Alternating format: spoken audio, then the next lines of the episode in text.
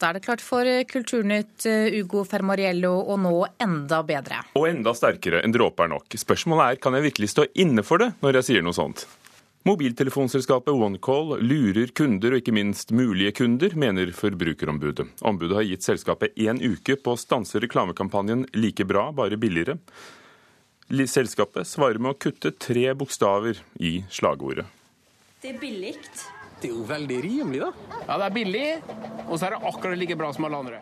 Denne reklamen har Forbrukerombudet prøvd å stoppe i flere måneder. Folk liker oss altså fordi vi er akkurat like bra som andre mobilselskaper. Det er bare det at vi er billigere. Nei, det har dere ikke bevist, sier forbrukerombud Gry Nergård. Hun mener OneCall lurer kundene. De gjør jo det i den forstand at de sier nå at de er billigst, og de ikke har lagt fram noen dokumentasjon for at de faktisk er det. Nå har hun gitt OneCall én uke på å trekke reklamen. Hvis ikke kan selskapet få et tvangsgebyr på flere titalls tusen kroner. Ja, De har lovt oss nå at de skal fjerne all reklamemateriale innen den 28. januar. Eh, og Da er det klart at da har de holdt på veldig lenge. Vi har diskutert det lenge. og Hvis de da ikke fjerner reklamen sånn som de har sagt, så må man jo ty til sanksjoner. Det kan dreie seg om titalls tusen. Men eh, hva er det som gjør kundene så fornøyde? Det er billig. Hei. Hei sann, hei Øystein. Vi lurer ikke kundene. Eh, det vi har bygd oss opp på nettopp å ikke gjøre det, da. Det sier mannen som snakker i alle OneCall-reklamene på TV, Øystein Eriksen, også direktør for selskapet. Våre jurister er altså ikke enig med ombudet. Vi mener at det vi sier likevel å være billigere, er ikke en såkalt billigspåstand. Men når ombudet er så fast bestemt på at det, jo, det er det, og fast bestemt på å kjøre denne saken hardt i Markedsrådet, så tenkte vi da la oss gå hjem og se om vi finner en enklere løsning. Så... Men hva skal dere si nå, da? Hva skal vi si likevel å være billig? Men dere kutter ut tre bokstaver i uh... Ja billigere. og det For oss var det litt tilfeldig at vi kanskje første gang valgte det, da. Tre bokstaver ut av slagordet, altså. Ja. Det er forbrukerombud Gry Nergård som ler. Så Det har ikke samme sterke effekten på oss eh, forbrukere. Så det er helt greit? Ja, det er i hvert fall greiere, for å si det på den måten. da. Ja, og Reporter var Erin Eirin Venås Sivertsen, som hadde snakket med forbrukerombud Gry Nergård. Ingen norske TV-kanaler vil eh, lenger kjøpe rettighetene til å sende seriene fra det amerikanske selskapet HBO, skriver Dagens Næringsliv. Grunnen er at de ikke får vise nye episoder av serier som The Wire, True Blood og Game of Thrones før det har gått ett år etter at de har vært sendt i USA og på betal-TV eller HBO sin egen nettstrømmetjeneste i Norge. I hvert fall vil de ikke kjøpe rettighetene til samme prisen som før. Det svekker vårt omdømme at vi ligger så langt bak og folk ser heller seriene på nettet, sier redaksjonssjef i NRK Fredrik Luin. NRKs avtale med det amerikanske TV-kanalen gikk ut i desember og blir ikke fornyet. Veronica Orderud har fått betalt av Se og Hør for å stille til et eksklusivt intervju, skriver VG i dag. Orderud sier hun trenger pengene til studiene, og at hun har mottatt mellom 10 og 20 000 kroner fra ukebladet. Pressens etiske regelverk, Vær varsom-plakaten, sier tydelig at det ikke skal tas betalt for intervjuer, og Presseforbundets Per Edgar Kokkvold mener dette er et klart brudd på god presseskikk. En ny rapport fra det arabiske nettverket for menneskerettigheter viser at nye presidenten Mohammed Mursi langt oftere enn før anmelder journalister og skribenter for fornær fornærmelser.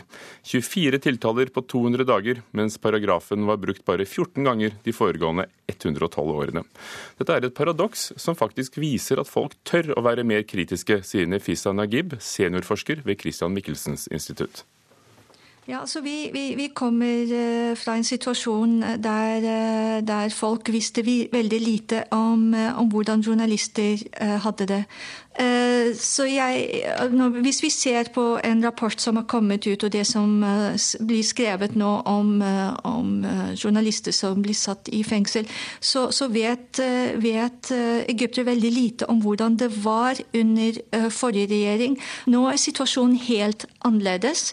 Og det, det begynte faktisk før det som skjedde i Tahrir for snart på fredag er det to år siden. Betyr det at eh, når da såpass mange flere, 24, eh, nå er tiltalt for å ha fornærmet presidenten, som det heter, så er det fordi det faktisk er langt flere som tør å, å komme med kritiske ord?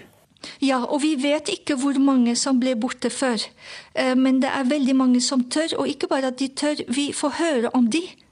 Folk fikk ikke høre om hvem som forsvant før, eller hvem som ikke fikk lov å skrive før. Men nå, nå får uh, folk vite på en eller annen vis, enten uh, ved at en annen avis skriver om det, eller at, at det blogges om det.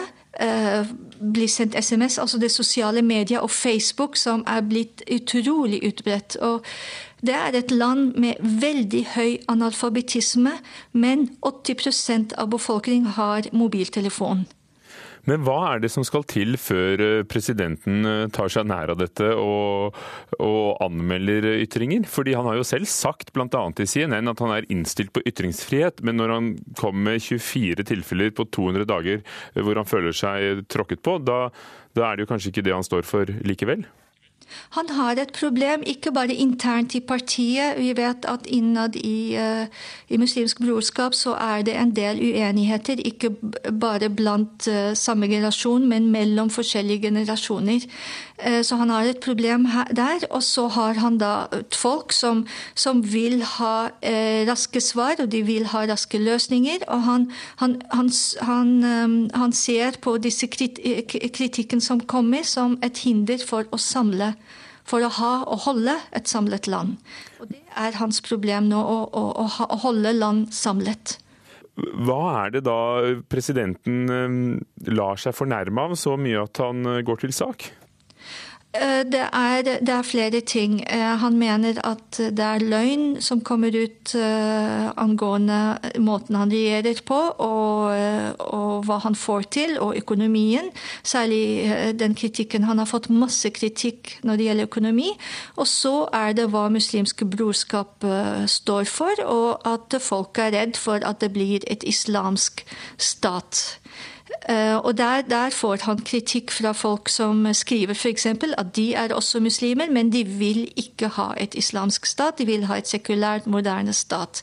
Og han, eh, han blir fornærmet ved at eh, han blir fremstilt som en umoderne, en umoderne president. Sett i lys av at det nå er to år siden uh, Tahrir-plassen og opptøyene der, uh, og det har vært en revolusjon og det er en ny president uh, som får mye kritikk.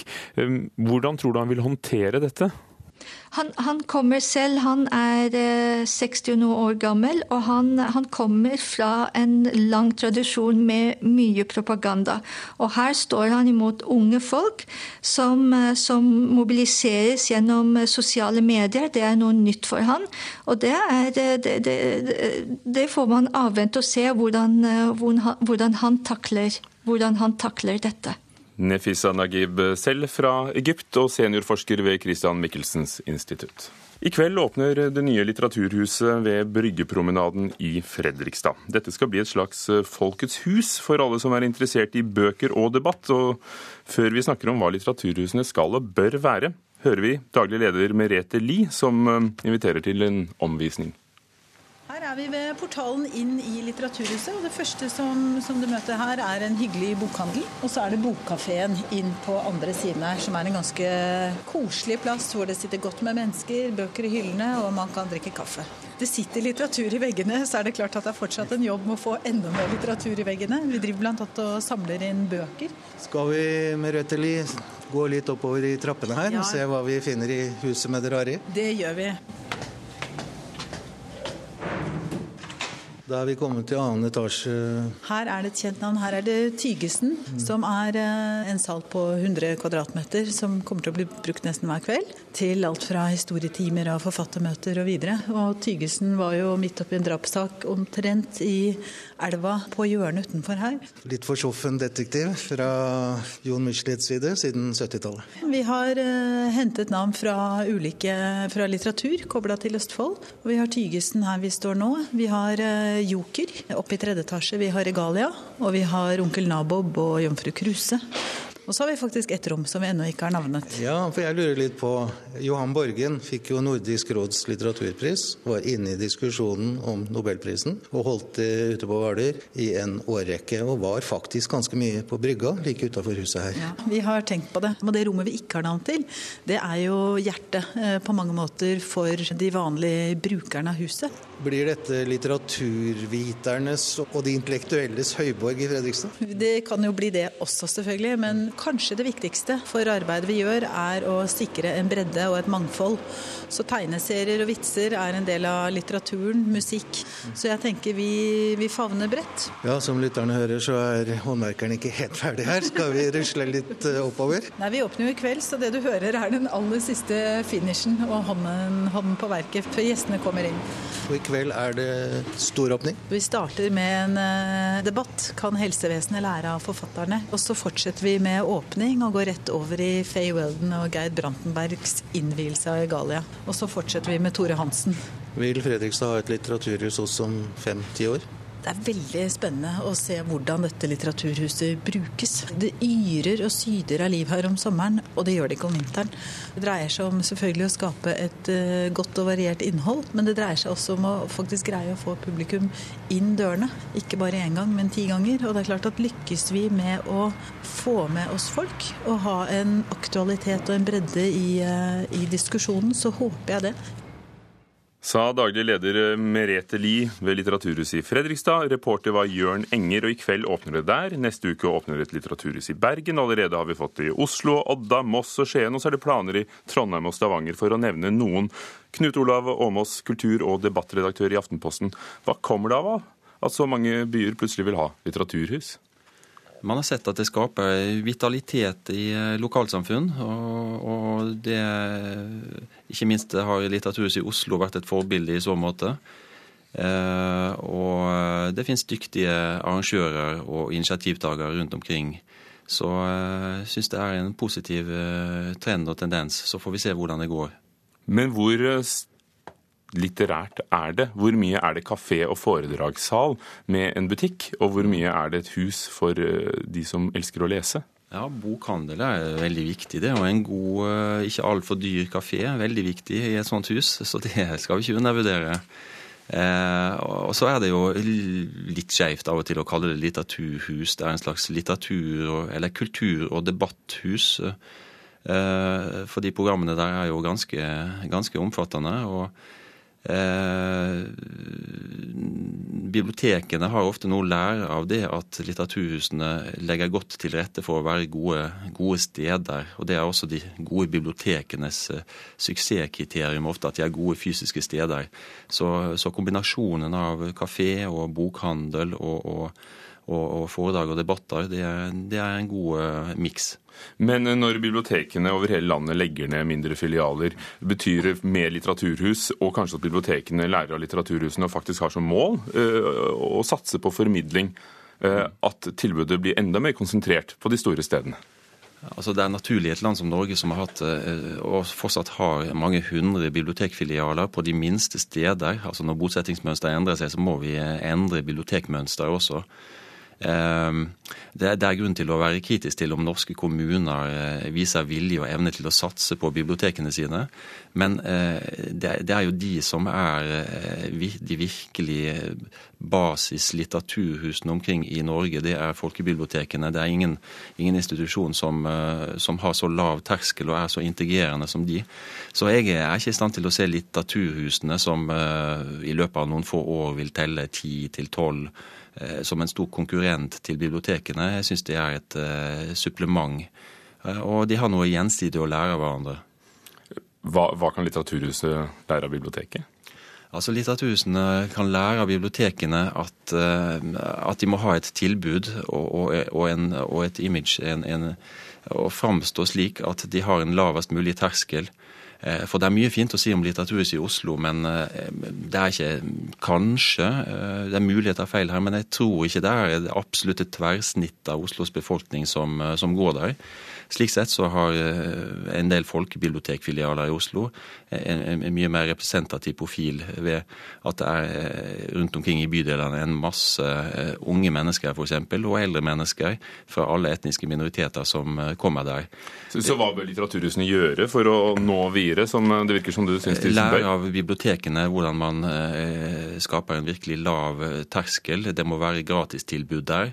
Eh, kafeen eller restauranten eh, bør også være usnobbete og ha en, eh, en relativt lav, lave priser. Ellers må det være én snobbete og én folkelig restaurant der.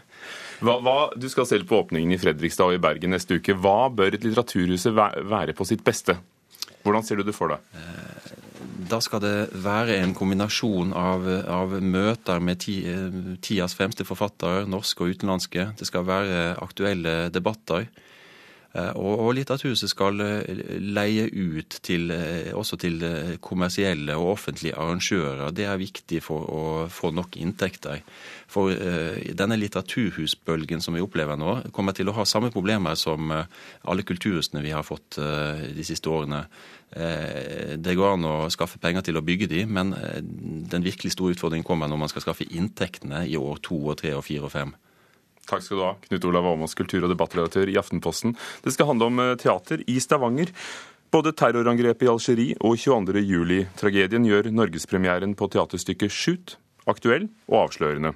Det mener dramatikeren selv, Mark Ravenhill, også kalt britisk teaters bad boy, slemme gutt. I morgen er det premiere på Rogaland teater. Okay, vi, har fått, vi, har fått, en mulighet til å, sende live til de som bomber. Skal bare komme en siste appell og se om de gidder å la være. Uh, really, it was my uh, response to this thing that was maybe still is called the war on terror. Okay, live. Dere oss? Den britiske dramatikeren Mark Ravenhill besøker Rogaland teater før morgendagens premiere.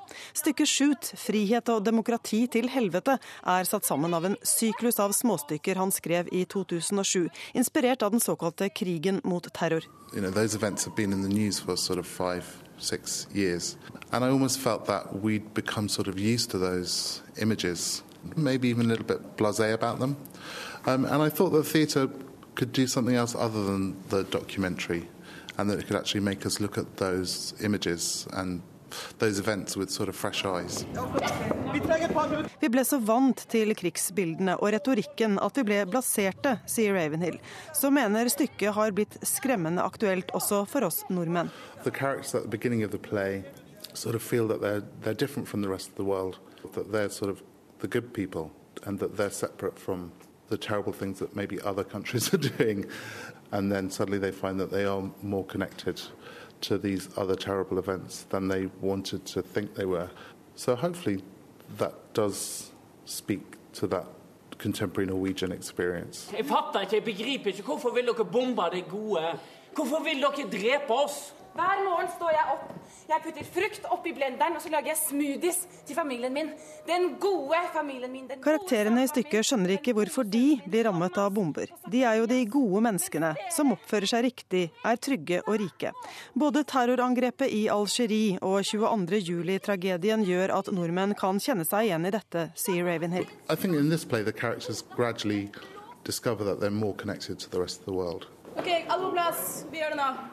En Teaterkontakten til Statoil var her inne på mandag og veldig, satt veldig pris på at, at, det fantes et teater som, som, kunne ta tak i noe som de var så opptatt av akkurat nå. Da. Oi, oi, oi, nå kommer jeg til å få kjeft, tenkte jeg da. Men han kom for å si takk, da. For det, det, det var liksom De trengte det, da. Det sier regissør Hilde Brinkmann, som også satte opp deler av denne syklusen da hun studerte i Stockholm.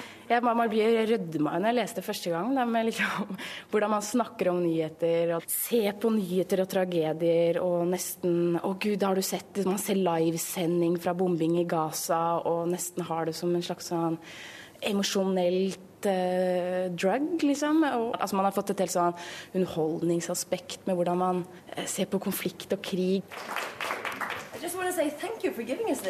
No, Ravenhill er husdramatiker for Royal Shakespeare Company og en celeber skikkelse i teaterkretser, mest kjent for stykket 'Shopping and Fucking' på 90-tallet. I år er han aktuell med en komiserie om et eldre homofilt par for ITV, og han skriver librettoen til en ny opera av Rolf Wallin for Den Norske Opera. Britisk teaters bad boy, som han kalles, skriver helst om livets mørke sider, også i fortsettelsen.